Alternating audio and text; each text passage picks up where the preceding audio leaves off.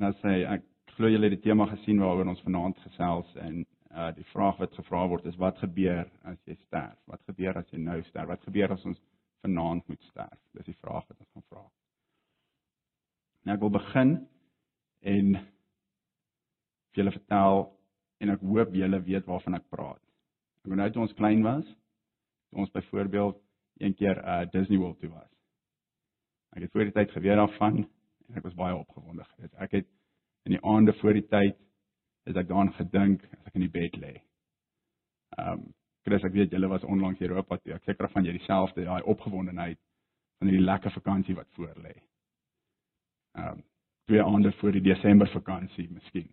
Jy's opgewonde. Jy sien uit na iets, né? Nou, ek wil ons moet onthou van daai. Ons moet dit onthou. Dink terug aan daai opgewondenheid wat jy omtrent nie eens kan slaap nie. Jy sien uit na hierdie vakansie en jy wil meer uitvind oor hierdie plek waartoe jy gaan hierdie want waar ook al dit was of nou Europa of Amerika of Kaapstad of waar ook al. Daai opgewondenheid en dan hoe hoe jy dit hanteer het. Ja, wat gebeur as jy nou sterf vanaand? Miskien as ons hier so ry, karongeluk. Hartaanval. Wat gebeur met jou? Ek seker van ons almal het al 'n advertensie gesien. En op advertensie vra hulle vir jou wat gebeur met jou kinders as jy sterf? As jy nie meer daar is om vir hulle te sorg nie. Dis nie die vraag wat ek vanaand wil vra nie. Ek wil vir jou vra wat gebeur met jou? Elkeen van ons persoonlik, wat gebeur met jouself as jy sterf? Eerstens, dood is nie 'n normale ding nie. Dit is as gevolg van die sonde. Sonde in die wêreld gekom het wat dood ontstaan het. Ehm um, as ons kyk na Johannes 11 vers 33 en ons gaan na verskillende gedeeltes kyk. So ek weet nie as jy lus is om te volg, as jy vinnig is in die Bybel, doen dit asseblief. Andersins as jy notas maak, skryf dit net neer, ek sal dit herhaal. Johannes 11 vers 33. Die storie van Lazarus wat dood is. Jesus uh, Martha is op pad na Jesus toe en Jesus ontmoet haar. Dit is vers 33 wat ons op wat ons optel. Toe Jesus haar, dis Martha, dan sien ween. En die Jode wat saam met haar gekom het, ook sien ween. Het hy geweldig bewoog geword in sy gees. En hy het hom ontstel. Die bekende BB Warfield het gesê hierdie gedeelte wat ons nou gelees het wys vir ons dat Jesus kwaad geword het. Maar hy was kwaad gewees as gevolg van die dood. En hy het ook gesê dat dit die dood is wat die skepping bederf het. Nou ons ons weet, ons kan nie strei nie dat dood dood is die oorsaak of die nagevolg van sonde. Genesis 2 vers 17 maar van die boom van die kennis van goed en kwaad, dis God wat met met Adam praat. Hy sê maar van die boom van die kennis van goed en kwaad, daarvan mag jy nie eet nie. Want die dag as jy daarvan eet, sal jy sekerlik sterwe. God het gesê die dood sal slegs kom as die mens sondig. As hy God nie gehoorsaam nie. En dan weet ons mens sondig, maar hoekom sterf die mens nie dadelik nadat hy gesondig het nie. Nadat hy die verbode vrugte geëet het nie. Nou die mens sterf geestelik. Die dag wat hulle van die vrug geëet het, is die dag wat die mens geestelik sterf het. Mense nie meer gewandel saam met God nie. Geen verhouding met God nie beteken jy is dood. En dit is die toestand wat Adam en Eva alself in bevind het. Die mense is uit die tuin uit gegooi en hulle is vervreemd van God. Maar ons het gesê die mens sterf nie fisies nie, hy sterf net geestelik. Sodat God die mens kan red of vir hom 'n kans gee om terug te draai na hom toe. Die genadige God wat ons dien. Om terug te kom na die gedeelte in Johannes 11 waar Jesus vir Lazarus uit die dood opwek. Wat ons daar sien is dat Martha vir Martha sê, ag dit Jesus vir Martha sê, hy sê ek is die opstanding en ek is die lewe. En daarom wys hy vir haar dat hy krag het oor die dood. Wanneer hy vir Lazarus opwek. Jesus het dan ook self later vir ons gewys hy het die krag oor die dood toe hy gesterf het en homself opgewek het, self opgestaan het uit die dood. Daarom kan ons sê ons wat glo in Jesus sê ons het hoop. Want 'n lewe sonder hoop is natuurlik baie hartseer. Ons weet dat die dood nie die einde is nie.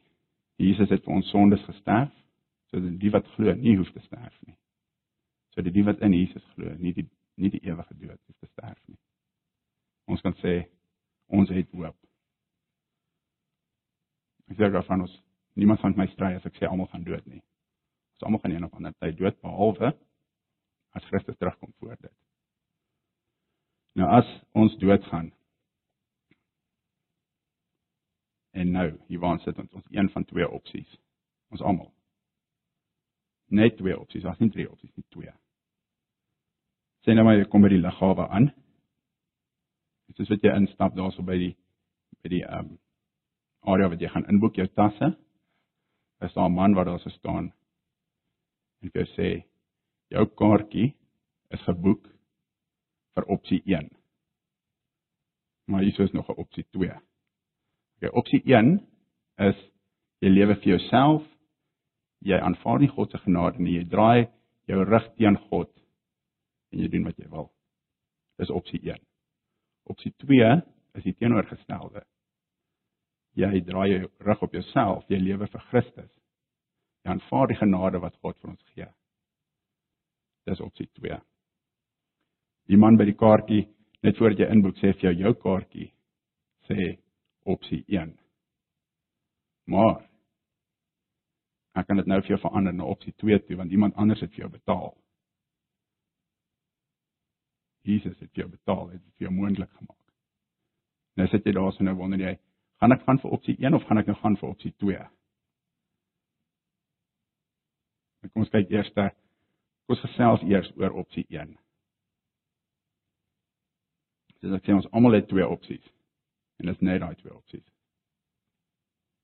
Opsie 1 jy lewe vir jouself. Jy draai jou rug op God en jy aanvaar nie sy genade nie. Indien jy opsie 1 gekies het, beteken dit jy gaan hel toe. Nou ek weet paar van ons weet van Rob Bell wat onlangs gesê het dat daar nie iets soos die hel bestaan nie. Ek kon nie regtig baie diep daarin gaan nie want in 'n vorige geleentheid wil ek preek juis oor die hel. Maar in 'n geval Rob Bell sê net dat dat dan nie hel is nie. Ons gaan dit net weer noem. Wat is die doderyk? Die doderyk is 'n soort van die hel. Ek gaan die twee terme hel en doderyk jy mekaar gebruik. Die die rede daarvoor is die doderyk lei na die hel toe. So as jy opsie 1 gekies het, is jy op pad hel toe of dit deur die doderyk is of nie.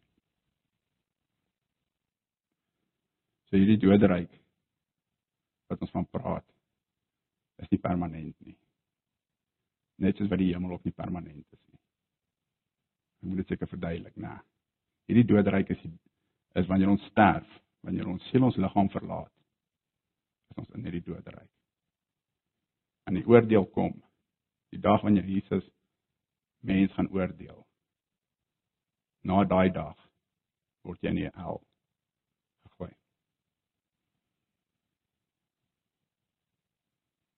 Nou hierdie doderyk wat ons van praat of die hel wat ons van praat is nie dieselfde wat jy op enige film gesien het nie. Dis nie dieselfde. Hollywood kan dit nie vir ons wys nie. Hollywood kan nie vir ons wys hoe erg die hel is nie. So as jy 'n prentjie het van hel wat jy in 'n film gesien het, hel is erger as dit. Die ergste van die hel is God is nie teenwoordig daar nie. Ja, alles beslis nie 'n lekker plek om op te eindig nie. Luister na die woorde Matteus hoofstuk 13 vers 42. En hy, dit is God sal hulle in die vuur oond gooi. Daar sal geween wees en geknars van die tande. Markus hoofstuk 9 vers 43. En as jou hand jou laat struikel, kap dit af. Dit is beter vir jou om vermink die lewe in te gaan as om twee hande te hê en in die hel te gaan. In die onuitblusselike vuur waar hulle wurm nie sterf en die vuur nie uitgeblus word nie. Albei hierdie gedeeltes praat nie noodwendig van die doderyk nie. Hulle praat definitief van die hel. Maar maak nie saak nie want as jy in die doderyk opeindig beteken dit jy gaan hel toe. Daar is nie daar is nie alternatief nie.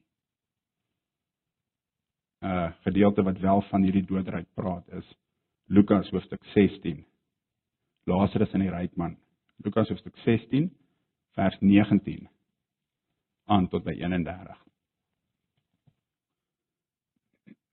En daar is 'n ryk man en hy het purper en fyn linne gedra en elke dag vrolik en weelderig gelewe. En daar was 'n bedelaar met die naam van Lazarus wat vol swere voor sy poort gelê het. En hy het verlang om hom te versadig met die krummels wat van die ryk man se tafel val. Ja, selfs die honde het gekom en sy swere gelek. En toe die bedelaar sterf, is hy deur die engele weggedra na die boesem van Abraham. En die ryk man het ook gesterwe en is begrawe. En toe hy in die doderyk sy oë ophef, terwyl hy in sy in smarte was, sien hy Abraham wat ver af en Lazarus aan sy boesem. En hy roep en sê: "Vader Abraham, wees my barmhartig en stuur Lazarus dat hy die punt van sy vinger in water kan steek en my tong verkoel. Want ek ly smarte in hierdie vlam." Maar Abraham antwoord: "Kind, Onthou dat jy jou goeie dinge in jou lewe ontvang het. En so ook Lazarus, die slegte. En nou word hy getroos. Maar jy ly smarte. En by dit alles is daar tussen ons en julle 'n groot kloof gevestig. Sodat die wat hier vandaan wil oorgaan na julle nie kan nie. En die wat van daar is, nie na ons kan oorkom nie. En hy sê Ek bid U dan Vader Abraham om hom na my te ekskuus ek bid U dan ek praat met Vader Abraham om hom na my vader se huis te stuur. Want ek het vyf broers sê om hulle dringend te waarsku sodat hulle nie ook in hierdie plek van pyniging kom nie. Toe sê Abraham vir hom: Hulle het Moses en die profete. Laat laat hulle na die luister. Maar hy antwoord: Nee, Vader Abraham, Maar as iemand uit die dode na hulle gaan, sal hulle hul bekeer. Maar hy sê vir hom: As hulle na Moses en die profete nie luister nie, sal hulle nie oortuig nie, oortuig word nie. Al sou iemand ook uit die dode opstaan. Ons weet hier is 'n gelykenis wat Jesus ver, vertel het. Maar ek is seker dat die inhoud van hierdie gelykenis 'n baie akkurate prentjie vir ons gee van wat die doderyk is is ook die hemel. En ons sien hier so Abraham, Lazarus en die ander wat in die hemel is, gemak ervaar. Maar die ryk man teenoorgestelde. Hy's in die doderyk. Hy ly smarte in die vlam. sien dat die ryk man hierso in hierdie gedeelte kon vir Abraham sien Net so gaan al die mense wat se saak nie reg is met Jesus nie, al die mense wat opsie nommer 1 gevat het. Die regverdiges kan sien in die hemel. Maar dit sal nie kan oorgaan nie. Want daar's 'n groot kloof van skeiding tussen hulle. Dit is onmoontlik om van die een na die ander te beweeg. As jy daar is, is jy daar. Dit is dit. As jy opsie 1 gekies het, is jy daar. Jy kan nie jy kan nie verander nie. As jy die vliegtyg opgestyg het, is jy in daai vliegtyg, kan nie uitklim nie. Nog 'n gedeelte wat ons nou kan kyk is 2 Petrus hoofstuk 2 vers 9. 2 Petrus hoofstuk 2 vers 9 sê: Die Here weet dus om die wat hom dien uit beproewing te red, maar ook om die goddeloses, die mense wat opsie 1 gekies het, te straf en vir die oordeelsdag gevange te hou. Maar wat 'n hartseer toekoms het al die mense wat nie opsie 2 vat nie. Wat daar by die lughawe aankom met die kaartjie wat sê opsie 1, gaan in Die ou gee vir hom die opsie 2. Maar hy ignoreer dit. Hy weeg sy tasse in en hy klim op vliegtyg opsie 1. Mense soos Rob Bell ek het hom vroeër genoem, sê dat daar nie 'n hel is nie. Hy, hy sê daar kan nie 'n hel wees as God die mense liefhet nie. Maar dis juist dit. God waarsku ons dat daar 'n hel is. En hy vertel vir ons die waarheid. Want hy is lief vir ons. Hy wil hê ons moet nie na opsie 1 gaan nie. Hy wil hê ons moet opsie 2 kies. Daar's net een pad wat nie na die hel toe gaan nie. Daar's net een pad wat hemel toe gaan. En dit is Jesus Christus. Johannes hoofstuk 14 vers 6 sê Jesus: Ek is die weg en die waarheid en die lewe. Niemand sê hy, niemand kom na die Vader behalwe deur my nie. Dit bring ons by opsie 2. So ons weet nou dat opsie 1 is die is die vliegtyg wat hel toe gaan kan 'n mens sê. Opsie 2 gaan ons nou kyk wat gebeur as jy opsie 2 kies. As jy by daai man kom en en hy sê vir jou wil jy opsie 2 hê? Jesus het klaar betaal daarvoor. Jy kan net sê dan verander kom jy op die rekenaar. Of wil jy opsie 1 bly? As jy sê ek soek opsie 2. Wat beteken dit? Wat is opsie 2?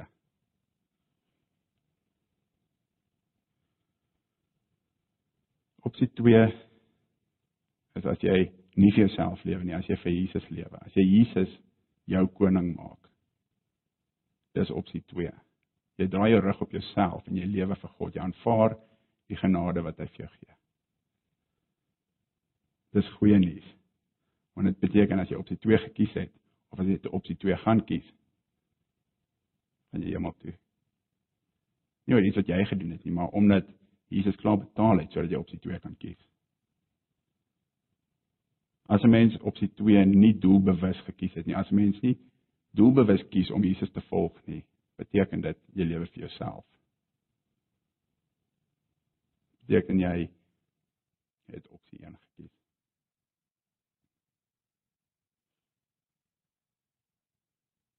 Luister na Lukas hoofstuk 13 vers 26. Julle sal sê, dis nou die oordeelsdag. Julle het in u of ekskuus ons het in u teenwoordigheid geëet en gedrink. En u het op ons strate geleer. En Jesus sal sê: Ek sê vir julle, ek ken julle nie. Weet nie waar julle vandaan is nie. Gaan weg van my, al julle werkers van onregverdigheid. Daar sal geween wees. En daar sal geknars wees van tande.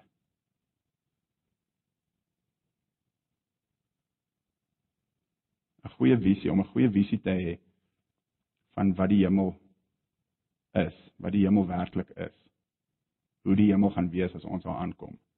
Gaan ons keer om nie in hierdie wêreld versadig te word nie. As ons weet hoe dit gaan wees in die hemel, sal ons nou ophou om hierso bymekaar te maak en en te eet en as ek sê eet dan dan praat ek van as jy hoofgereg eet en jy weet daar's 'n wonderlike nagereg wat voor lê, gaan jy jouself nie vol eet nie. Want jy gaan uitsien na die nagereg wat kom.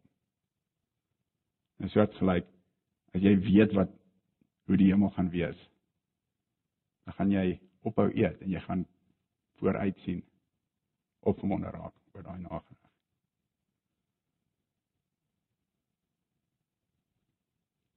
Dis kom ek wil hê ons ons moet nou na 'n paar gedeeltes ook kyk wat vir ons bietjie meer vertel van hoe die hemel gaan wees. Sodat ons kan opgewonde raak vir die dag wat wat ons gaan vertrek. So as ons opsie 2 gekies het, dan wil ek hê ons moet opgewonde raak oor daai daai oomblik as die vliegtuig vertrek. As ons praat van hemel, is dit die intermediêre hemel wat ons van praat. Dit is waar jy heen gaan sodra jy sterf jou siel gaan op na die intermediêre hemel toe. En dan later kom jy saam met Jesus aarde toe. En dan later is dit ook die nuwe aarde en die nuwe hemel wat Jesus vir ons voorberei het.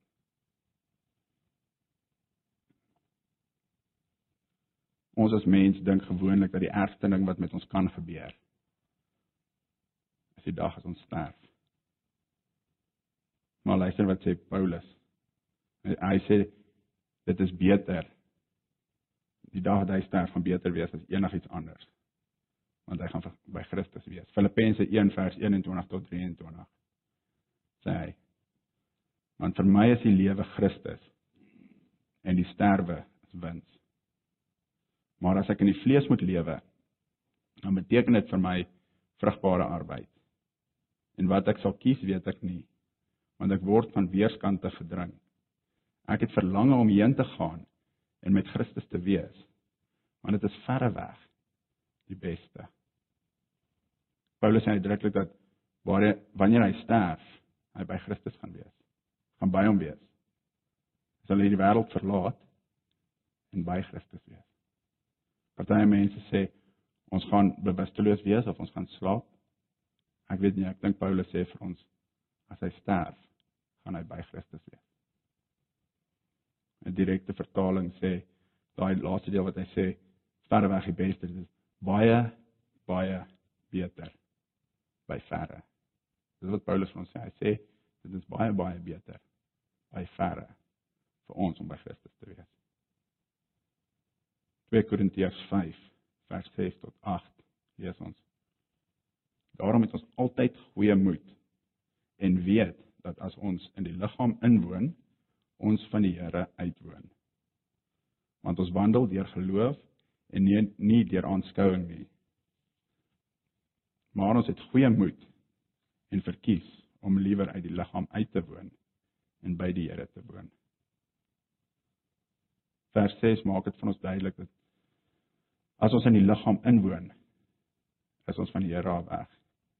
So wanneer ons uit ons liggaam lewe, en ons lewe uit die liggaam uit is, is ons saam met God. Paulus sê nie ons moet hierso rondstap met 'n doodwens nie.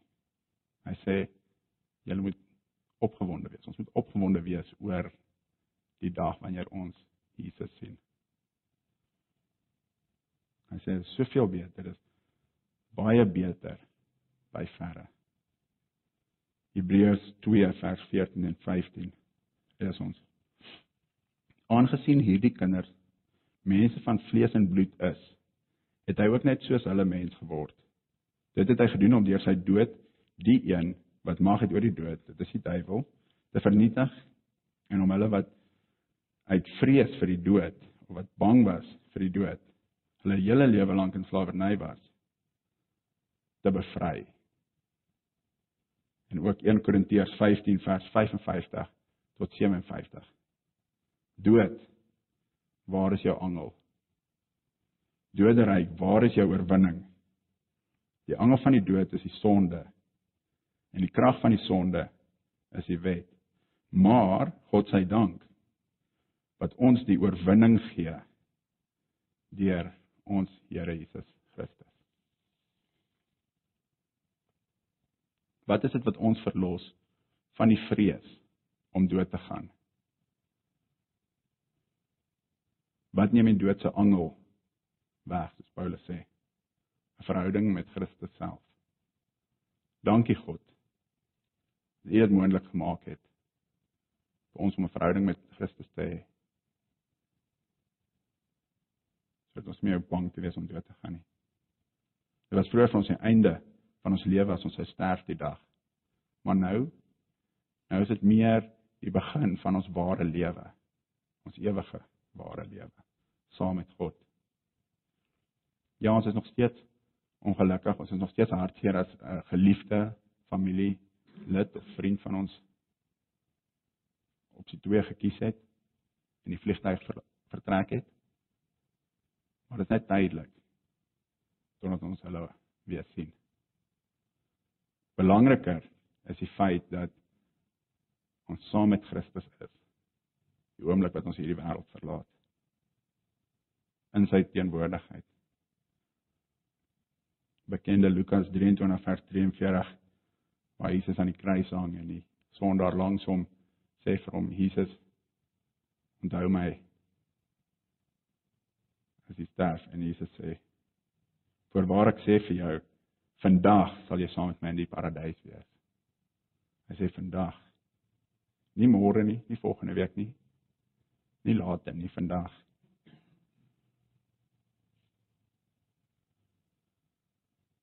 Almal is geboek vir opsie 1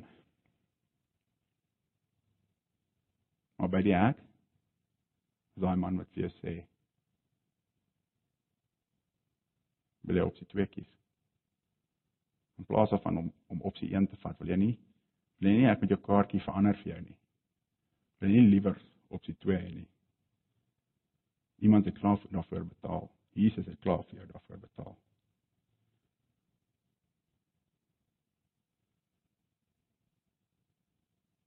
As jy vanaand nog nie opsie 2 gekies het nie. Dan wil ek jou vra om te heroorweeg. Luister na die aanbod wat op die tafel is. Opsie 1 kan verander na opsie 2 toe.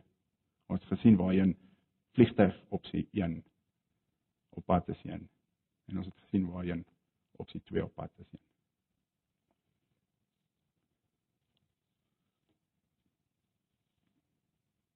wat moet ons doen om opsie 2 te te kies? Jy reg op jouself draai. Val neer by die kruis. Lewe vir Christus. Aanvaar die geskenk wat God vir jou wil gee. Sy seun. As jy dit gedoen het, vir nou 5 weke terug is of 50 jaar terug, wonderlik. Wat is dan ons opdrag? as jy op pad is na opsie 2 toe. Waaraan wil ons mekaar herinner? Die laaste gedeeltes wat ek wil lees is Kolossense hoofstuk 3, my eerste paar verse. As jy dan saam met Christus opgewek is, soek die dinge daarbo waar Christus is en aan die regterhand van God sit. Bedink die dinge wat daarbo is en nie wat op die aarde is nie. Want jy het gesterwe en julle lewe is saam met Christus verborge in God. Wanneer Christus wat ons lewe is, geopenbaar word, dan sal julle ook saam met hom in heerlikheid geopenbaar word. En dan die laaste deel Romeine hoofstuk 8 vers 18 wat ons sê hou jou oog op die ewigheid. Hoekom? Vers 18 want ek reken dat die lyding van die teenwoordige tyd nie opweeg teen die heerlikheid wat aan ons geopenbaar sal word nie. Ons kan nie hierdie lewe die swaar kry, die moeilike tye eers vergelyk met die lewe wat kom nie. Ek wil ons herinner dat ons as jy opsie 2 gekies het, dan is ons vreemdelinge op hierdie aarde. Vreemdelinge wat op pad is huis toe op pad is na ons Skepper toe, op pad na ons Vader toe. Om hom te aanbid tot in alle ewigheid. Ek al gehoor mense sê jy moet nie te veel op die hemel gefokus wees nie. As jy te veel op die hemel gefokus is, dan dan is jy glad nie goed op die aarde nie. Jy's niks werd op die aarde dan nie. Maar ek ek stem nie saam daarmee. Ek dink hoe meer jy op die hemel gefokus is, hoe meer jy besef waartoe ons op pad is. Hoe meer gaan jy hierdie aarde wil verander? In die sin dat jy mense wil waarsku. Mense wil vertel van waar jy en jy op pad is. Ons moet altyd gereed wees om te sterf of, of om te vertrek. Kan enige oomblik gebeur, soos ons gesê het. Kan gebeur vanaand, kan gebeur as jy rustig is jy het nie verwag nie. Ons weet dit was nie die 21ste Mei gewees nie. Maar dit kan vanaand wees. Kan môre aand wees. Kan enige oomblik wees. Hoe kan ons gereed wees elke oomblik van die dag? Maklik. Verander jou kaartjie. aanvaar die feit dat opsie 2 vir jou betaal is. En dat jy nie met vliegtyg opsie 1 hoef te gaan nie. Doen dit as jy dit nog nie gedoen het nie. Doen dit vanaand. Kom ons bid. Here ons loof en ons prys U naam dat U die dag wat die mens gesondig het in die tuin van Eden ons nie almal uitgewis het nie. Here dankie dat U besluit het om ons 'n kans te gee om ons te red en vir ons die opsie te gee om te draai. Ons rug te draai op onsself en terug te draai na U toe. Nou Here, so baie mense weet en hoor dat opsie 2 beskikbaar is. En dat die prys betaal is dat hulle glad niks hoef by te sit nie. Maar aanvaar dit nog steeds nie. Here mag ons wat opsie 2 aanvaar het die verantwoordelikheid vat om die goeie nuus te deel met ander mense. Ons vriende, ons familie, mense by ons werk, waar ook al. Dat ons nie sal skaam wees daaroor nie. Dat ons sal opgewonde wees. Maar hierdie wonderlike wêreld wat voor lê vir ons. 'n Wêreld, die nuwe aarde wat ons saam met U gaan wees eendag. Asseblief, Here. Bid en vra dit in die kosbare naam. Amen. Ons sê as julle nie dis hierso vanaand. Ek wil net sê hoe dit werk. Ons het nou 'n kort geleentheid vir 'n geleentheid vir enigiemand om vrae te vra of net iets te deel. Ehm um, met die oog op wat ons gehoor het vanaand wat ons oor gesels het. En ek wil sommer net van die begin af sê dat soos ek vroeër gesê het dat ons voor vroeër wel oor die hemel en oor die hel praat van die nuwe aarde en die nuwe hemel gaan gaan gesels. So moenie nou vra vra daaroor nie. Ons sal dit los wanneer ons wel daai onderwerp ehm um, aanvat.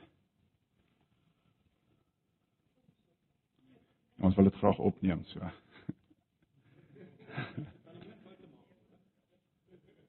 Okay, vra dit dan sonder die mikrofoon.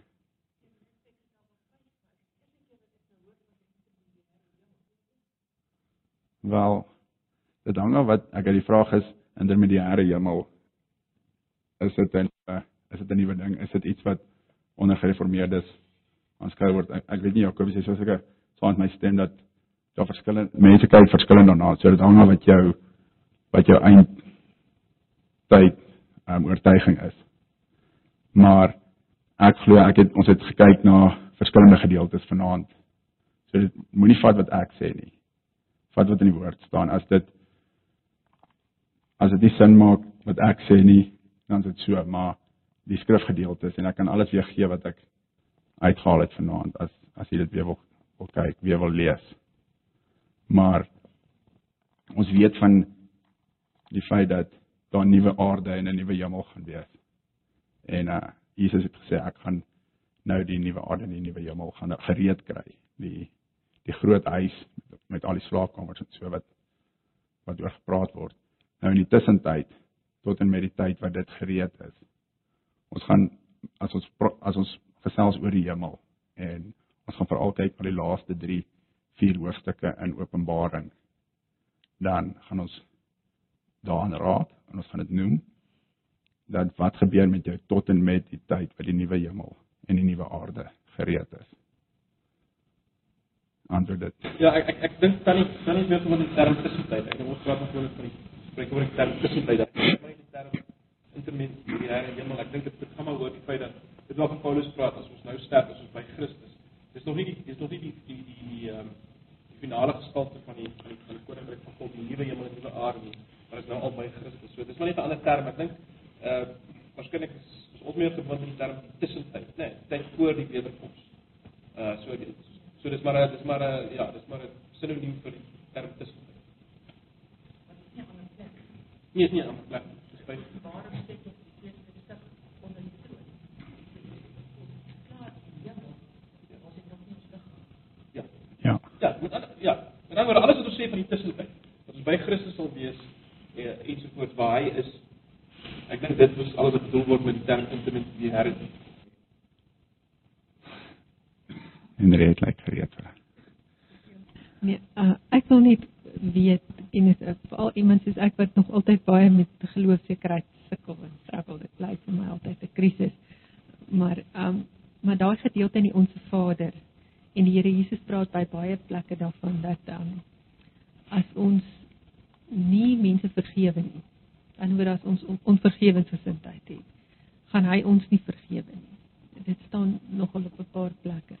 Ehm um, en ek het net al baie keer gewonder daaroor in terme van die feit dat ons gered word uit genade en dat daar geen veroordeling vir ons is in Christus nie.